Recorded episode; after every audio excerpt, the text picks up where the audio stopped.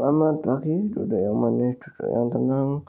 Boleh sambil minum teh, boleh sambil minum kopi, boleh sambil minum susu juga, terserah lu mau ngapain. Oke, balik lagi sama gue Aji di My Perspective Podcast. Di episode kali ini gue mau ngomongin tentang krisis eksistensi. Kenapa sih bang lo ngomongin soal ini? Tumben. Enggak gue cuma itu kepikiran aja sekarang. Anak-anak zaman sekarang bukan anak-anak juga sih. Eh, anak-anak kuliahan atau anak-anak SMA yang di bawah gue sedikit emang umur lu berapa bang? Ya itu rahasia rahasia pribadi ya. Nggak bisa gue ungkapin soalnya gue malu. Ya intinya intinya bentar lupakan intinya eh, episode kali ini datang gara-gara gue itu penasaran. Kenapa anak-anak zaman sekarang yang main sosmed tuh kadang-kadang suka pamer dan suka uh, bikin konten-konten yang agak yang agak-agak lah. Ya sebenarnya kalau dilihat dari hak dan kewajibannya orang itu hak mereka. Tapi ternyata ketika mereka menggunakan hak itu mengganggu orang lain ganggu orang lain kan? Jadi nggak beres ya. Menurut gue itu terjadi karena di dunia nyata mereka tuh nggak ada eksistensi. Bukan nggak ada ya kalau nggak ada statusnya mati bukan nggak ada. Jadi mereka tuh kayak caper terus mereka tuh hidupnya gitu-gitu aja terus bosan terus mereka mungkin mencari hiburan apa gimana terus biar diperhatiin orang sehingga mereka ngerasain bahwa oh aku nih diperhatiin orang loh kalau gini. Yang mana secara psikologis itu uh, melakukan apa pun untuk mendapatkan perhatian orang lain itu agak-agak aneh ya agak-agak gimana? Agak-agak nggak bener juga. Karena yang gue perhatiin sekarang konten-konten yang hadir di TikTok tuh kalau misalkan tiktokernya cewek pasti ya pakai baju yang eh ya seperti itulah. Ya walaupun kadang gue juga nonton tapi ya ya gimana. Tapi gue perhatiin emang itu agak-agak aneh menurut gue.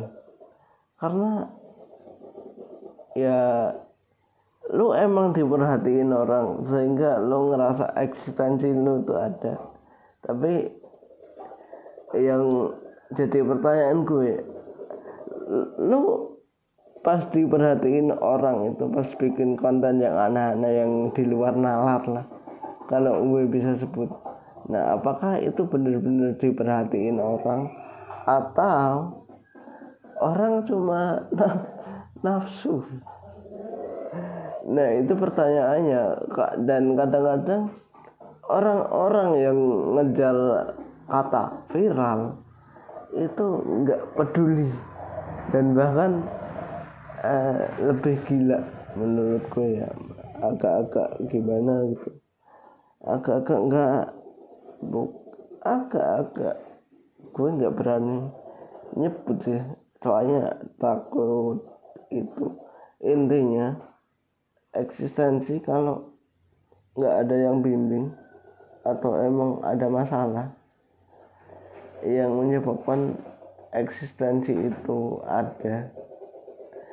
Dan uh, hal-hal yang agak-agak random itu berpeluang potensinya negatif bukan positif. Dan apakah seorang penyanyi yang dulu masa lalu jelek terus dia ciptain lagu dan uh, membawa itu sebagai sebuah karya apakah itu positif?